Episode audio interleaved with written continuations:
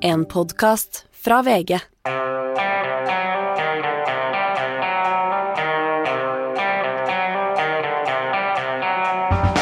Ikke visste jeg at alle disse dagene som kom og gikk, de var selve uke ni. Og jeg vet jeg sier det ofte, Hanne, men eh, noen ganger er det mer ektefølt enn andre. For en uke. Ja, for en uke, Anders.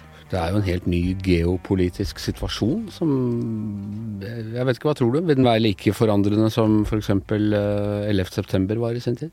Det er vanskelig å bedømme når man står midt i det, men jeg tror nok det at dette vil forandre historien og vil forandre Europa for lang tid framover. På hvilken måte? Sikkerhetspolitiske bildet blir helt annerledes. Vi, har, eh, vi hadde den kalde krigen fram til murens fall, hvor det var veldig definert hovedfiende, Sovjetunionen, med atomvåpen. Så har vi hatt 90-tallet, hvor det var på en måte hvor vi alle trodde at verden var blitt et bedre sted. Og så har vi hatt en fredfylt sameksistens, tross alt, med Russland fram til 2014, hvor de gikk inn på Krim, og hvor det var første varsel på dette.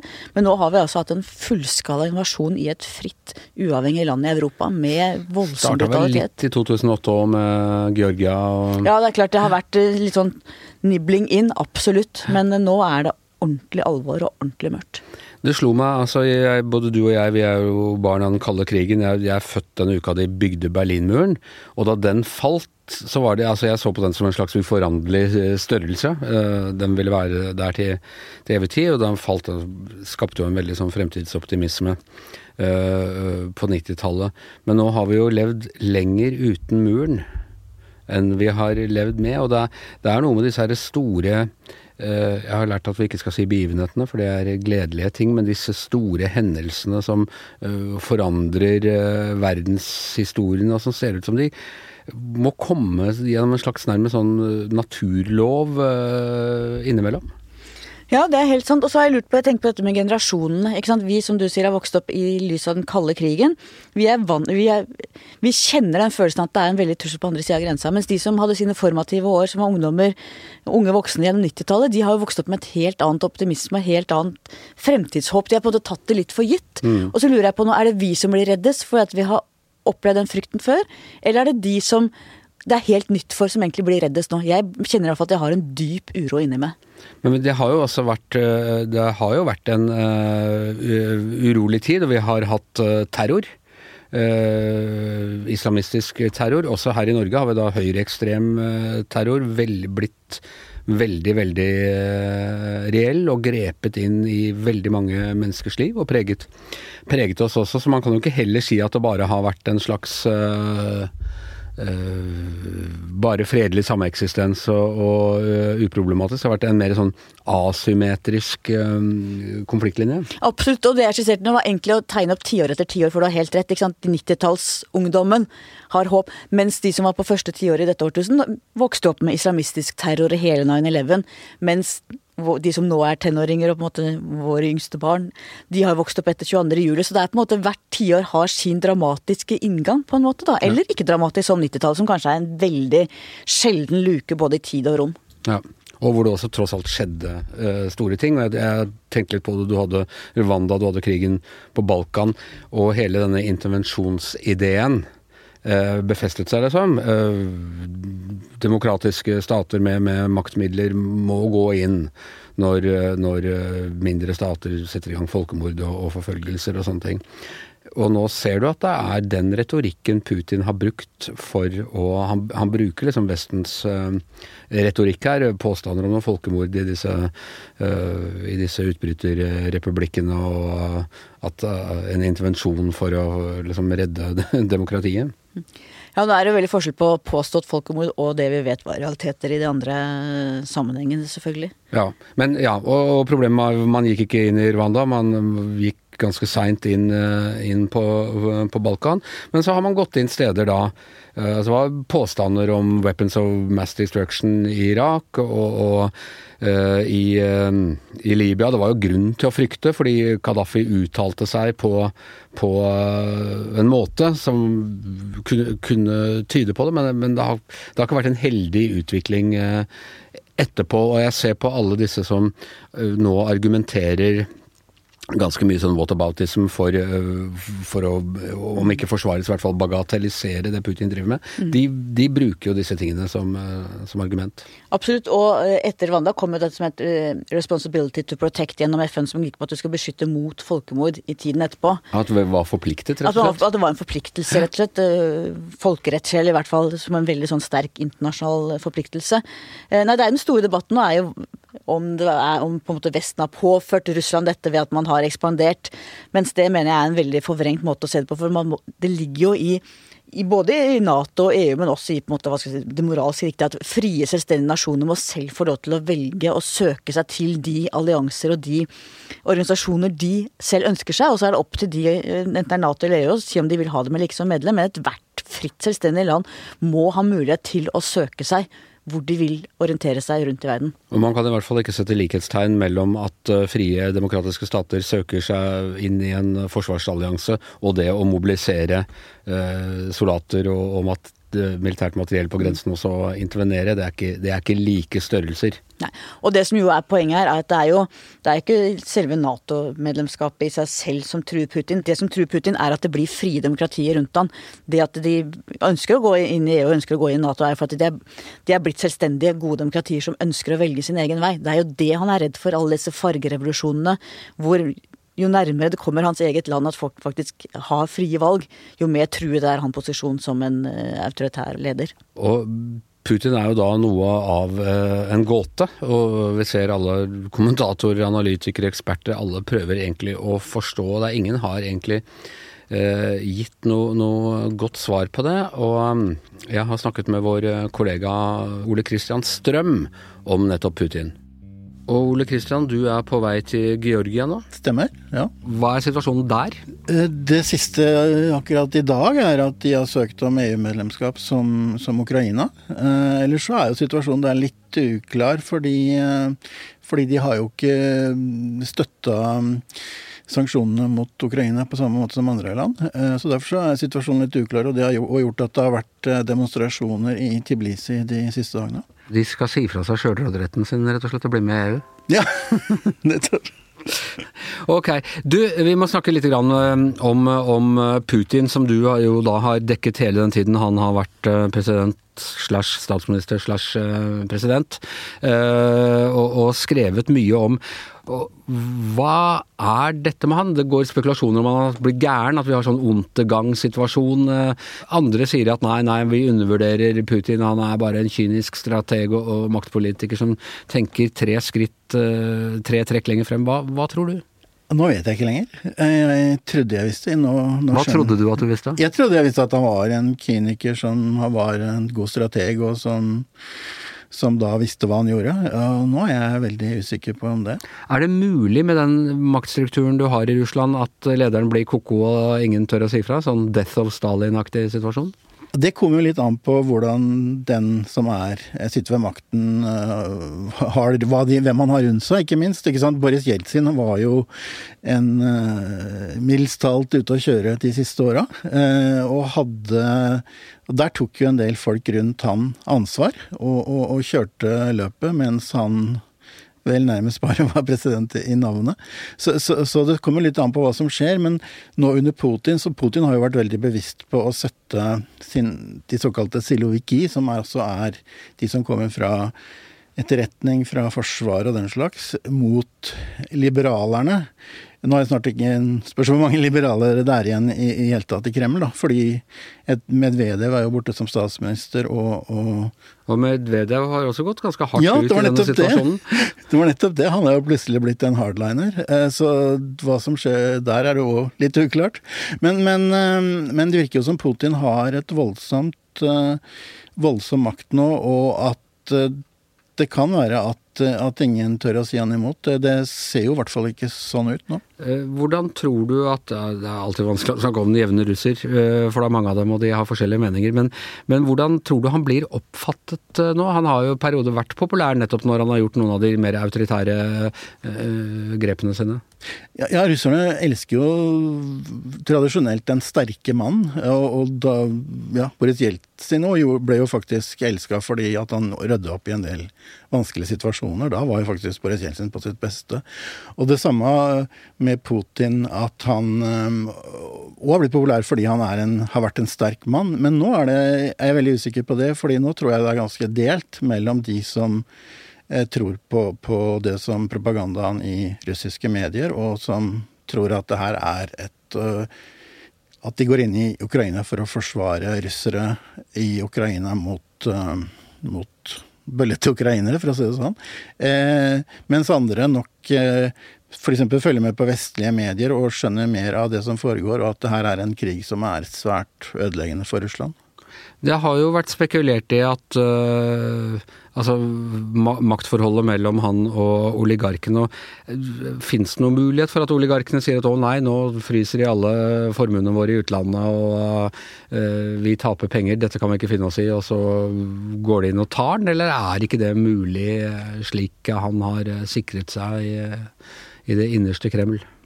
Det er et veldig godt spørsmål, for inntil for kort tid siden så trodde jeg at det var helt utenkelig. Nå er jeg litt usikker på om det er helt utenkelig.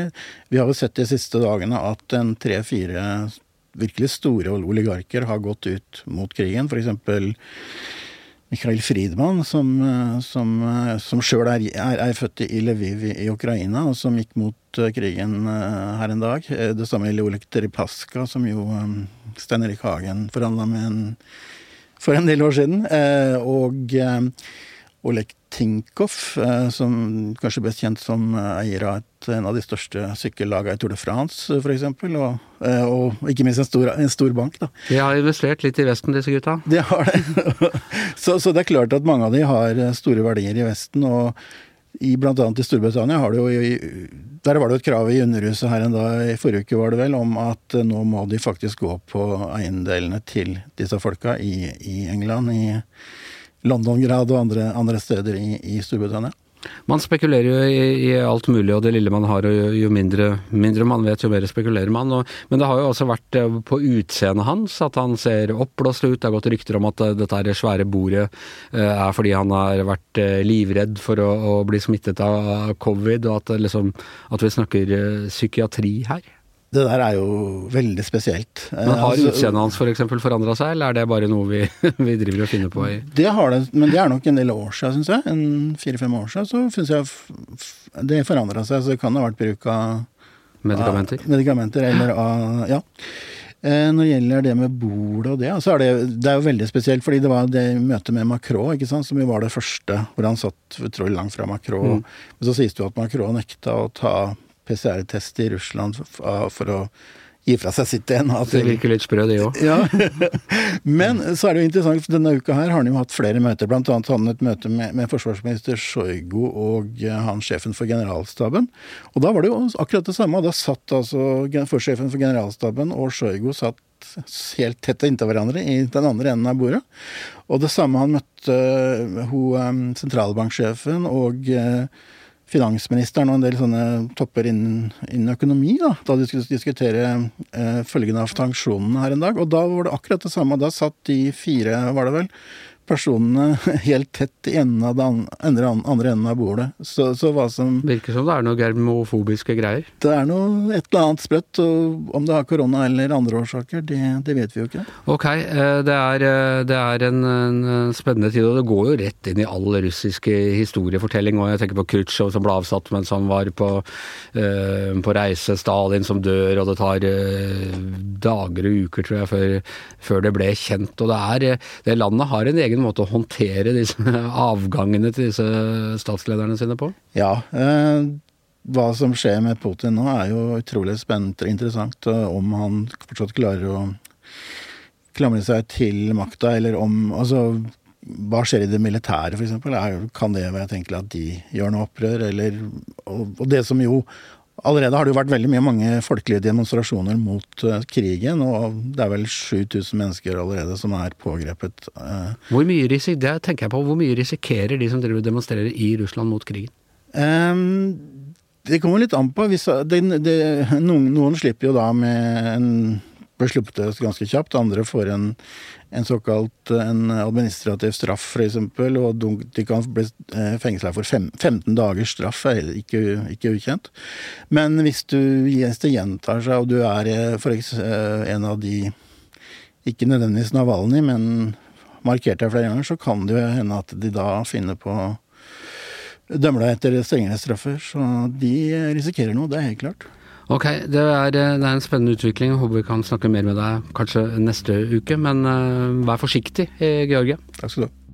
En ting er nå hvordan uh, ekspertene og kremlologene uh, vurderer, vurderer Putin, men krigen betyr jo at vi alle vurderer Putin på en helt ny måte. Hans Petter, alle diktatorer og, såkalte sterke menn i Europa opp gjennom de siste hundre årene har hatt sine fanskarer også i demokratiene. Har, har, Putin hatt det? Ja, han har jo det. Altså, det var jo lenge liksom, strid. Altså, mange har jo sagt at Putin er, er jo en demokrat i den forstand at han er valgt uh, i, i, valg. Han er populær i befolkninga, visstnok. Og så det Erkjennelsen av at Putin er en diktator har nok sittet ganske langt inne. Det er veldig få som omtaler som det. Han omtales ofte som, altså så ofte som presidenten. da.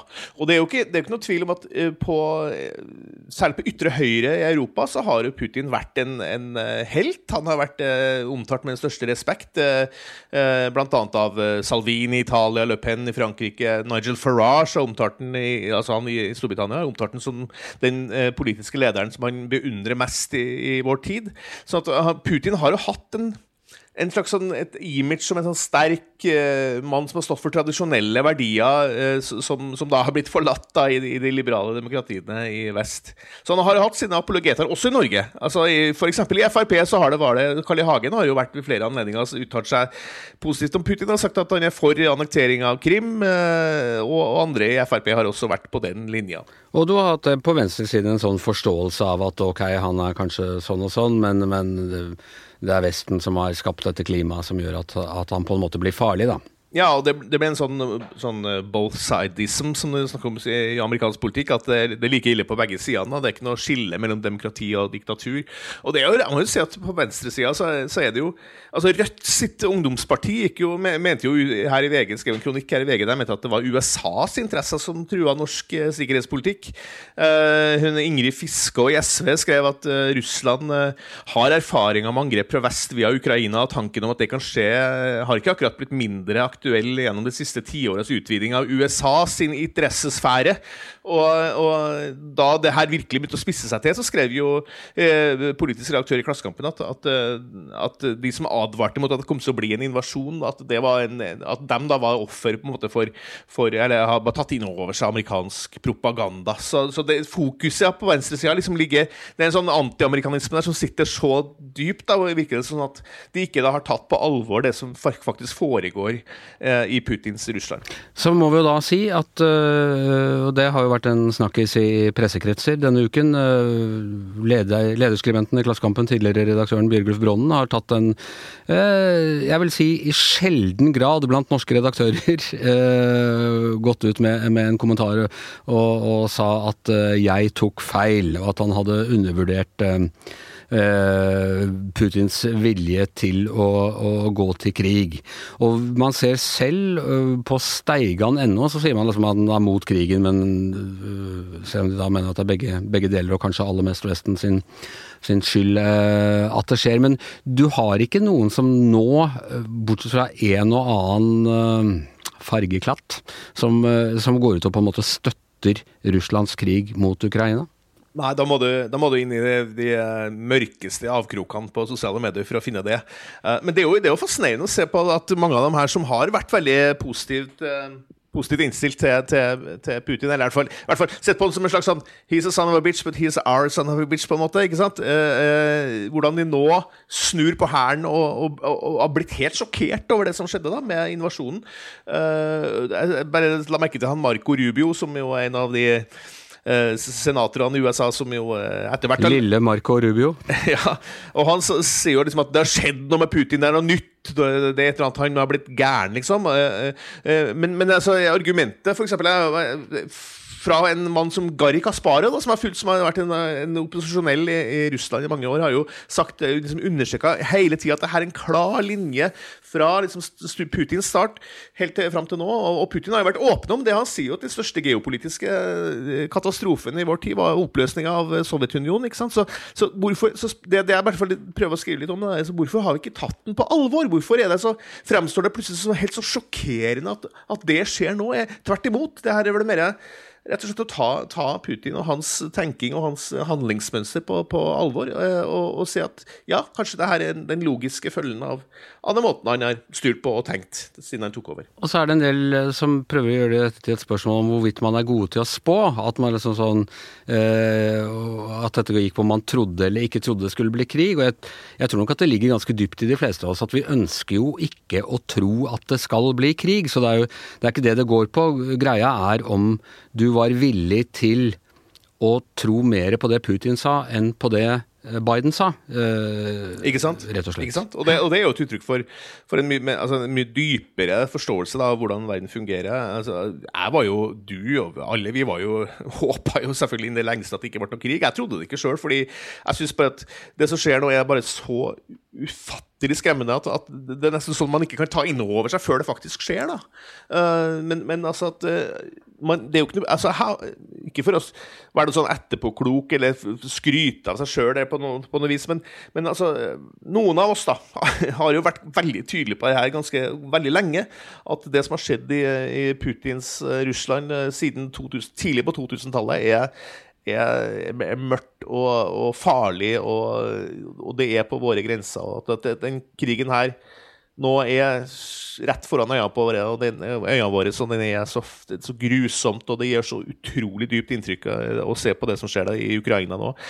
Det er ikke Ja, det, er, det var overraskende at det skjedde, men, men, men altså Det er en naturlig følge av en av en virkelighetsforståelse som er veldig veldig forskjellig fra den som jo de fleste av oss i Vesten har. Så er det, Man kan si mye om, om dette Bjørgulf Brånen skrev, men en ting man, jeg syns man må gi ham, er jo at eh, amerikansk etterretning diskrediterte seg selv noe voldsomt i eh, oppkjøringen til eh, til Irak-krigen eh, i 2003. Uh, husker jo liksom Colin Powell der i FN, og det virket jo Det var en veldig overbevisende Eh, forestilling med, med alle at her, her, blir det laget eh, kjemiske våpen. Det viste seg å være feil. Det var helt andre Og, det, og, og dette visste man egentlig. Man, man, forledet verden for å starte en angrepskrig eh, eh, mot Irak. Og det, det, er klart at det har jo underminert Eh, tiltroen til eh, vestlig etterretning i,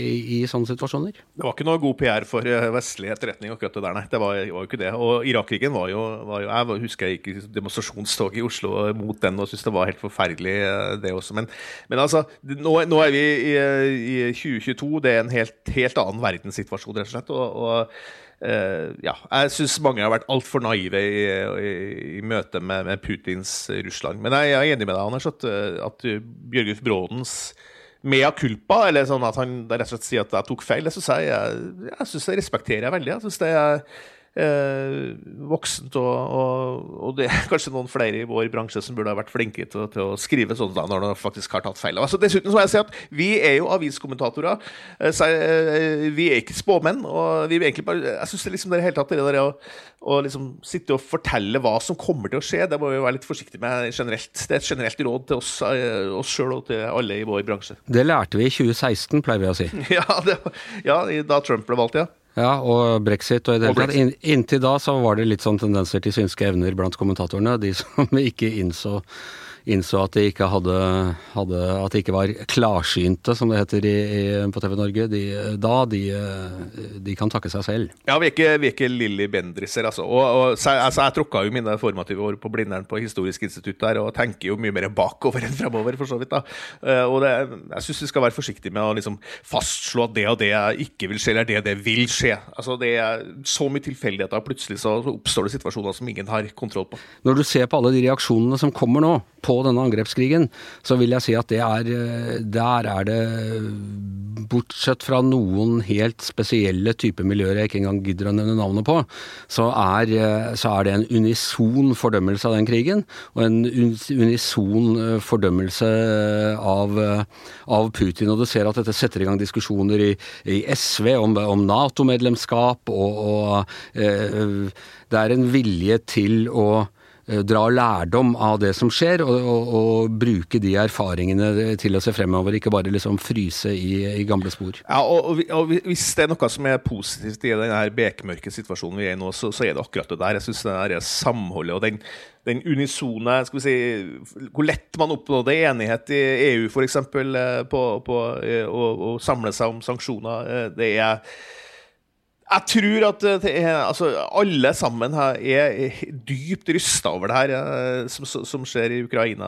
Og det er den solidariteten som også da vises med, med, Ukraina rundt omkring i verden, og er jo rørende å se på. det må jeg jo si.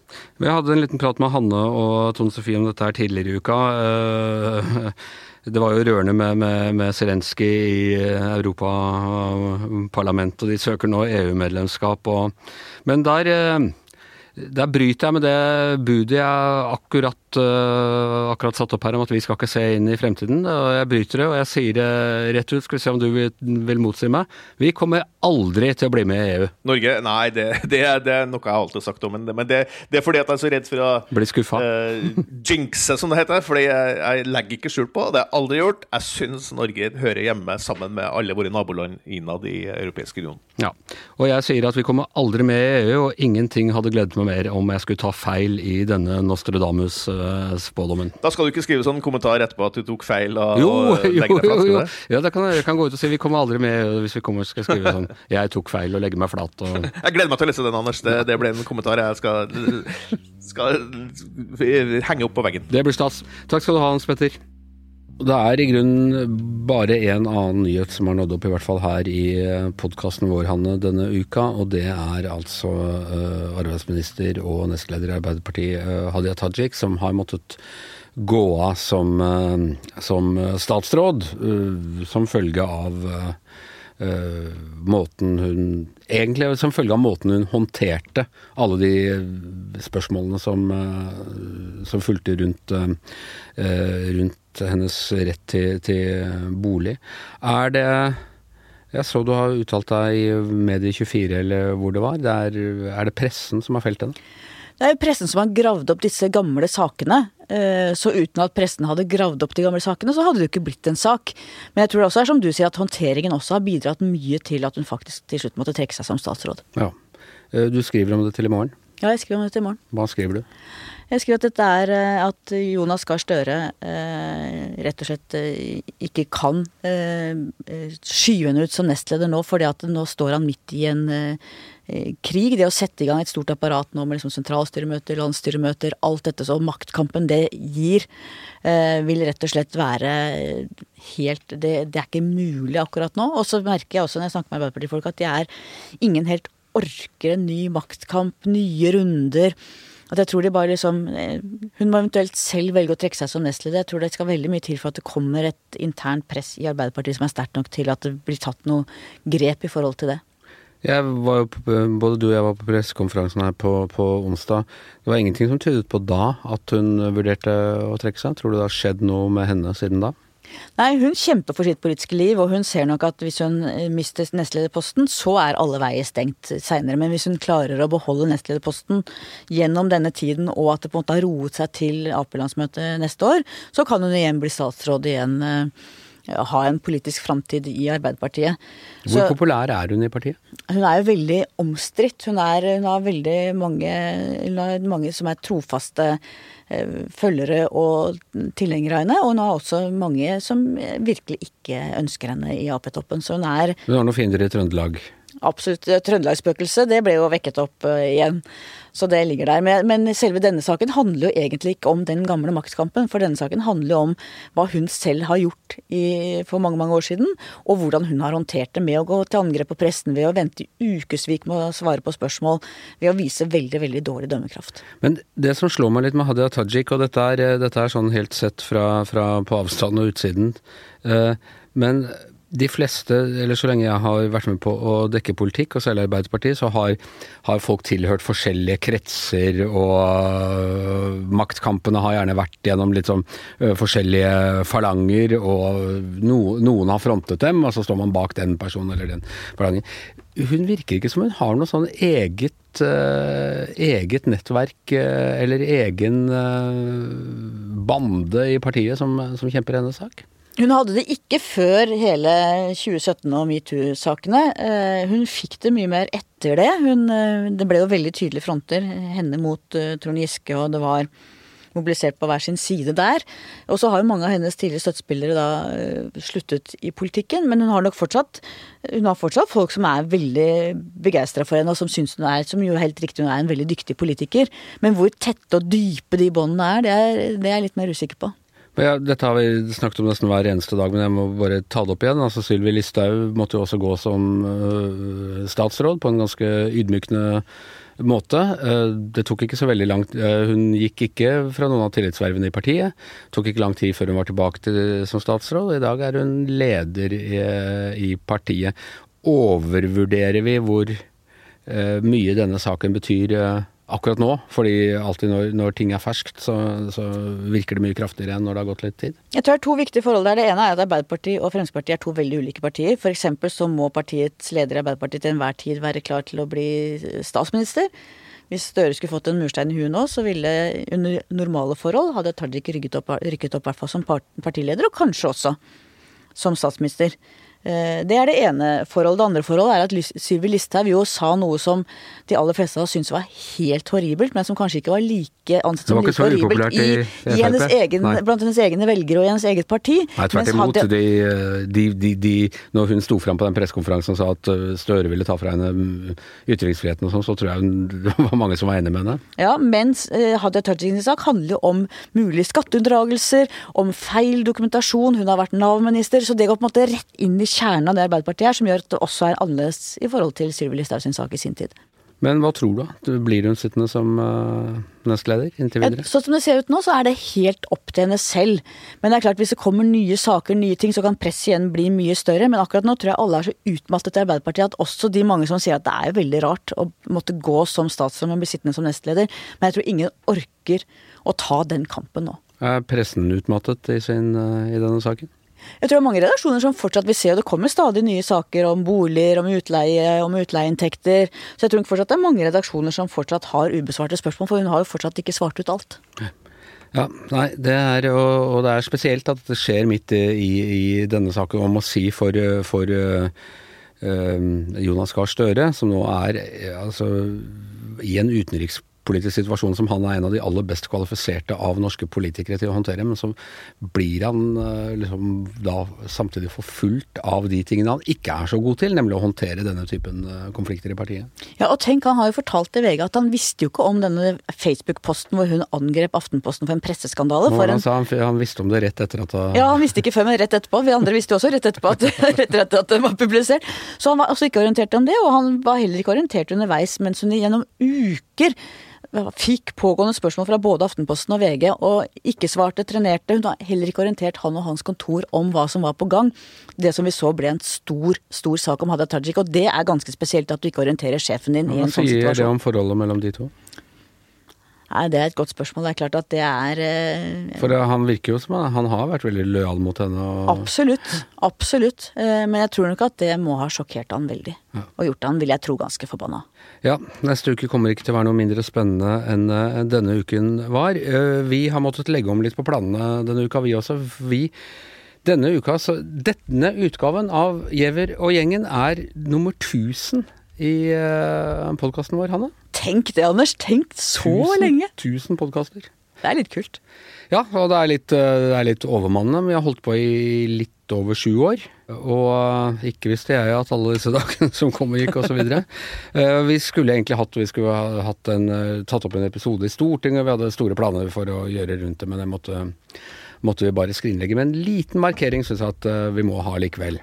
Ja, kanskje en kopp, eller? En kopp, en kopp eller to. Og det jeg tenkte, bare å oppfordre dere lyttere som har fulgt med oss en stund, å og kanskje skrive vi, vi har jo da denne Facebook-sida vår, og, og dele et eller annet hva man egentlig husker best øh, fra den tiden hvor vi har holdt på. Vi starta altså i 2015 øh, med, med da Fridtjof Jacobsen, som nå jobber i, i Dagens Næringsliv også.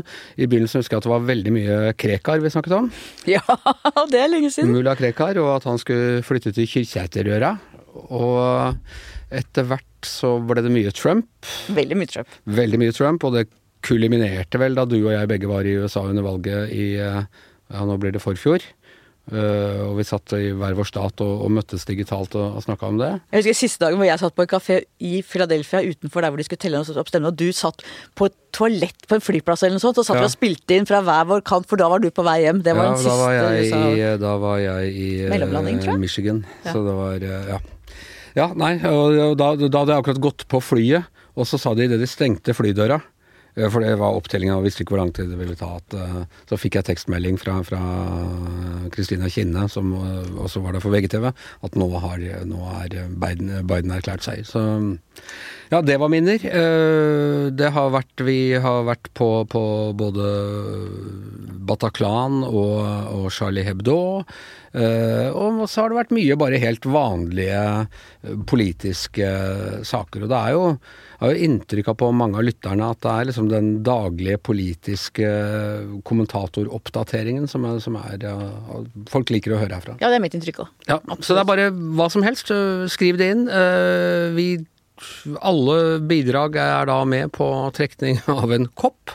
Det er litt fin den koppen, Det er kjempefin. Det er som jeg sier, det er uh, nyhetspodkastenes hellige gral. Jeg ble veldig glad da jeg fikk koppen av deg, Ja, husker jeg. ja, ja. Det er, eh, det er, og jeg merket noen folk har vunnet, og de setter oppriktig pris på det. Og, um, men dermed er uh, Giæver og gjengen uh, over uh, for i dag. Tusen takk til Hans Petter Sjøli, tusen takk til Ole Kristian Strøm, tusen takk til Hanne Skartveit. Jeg heter Anders Giæver, og mannen som har produsert 1000 utgaver av Giæver og gjengen, det er som vanlig vår produsent Magne Antonsen.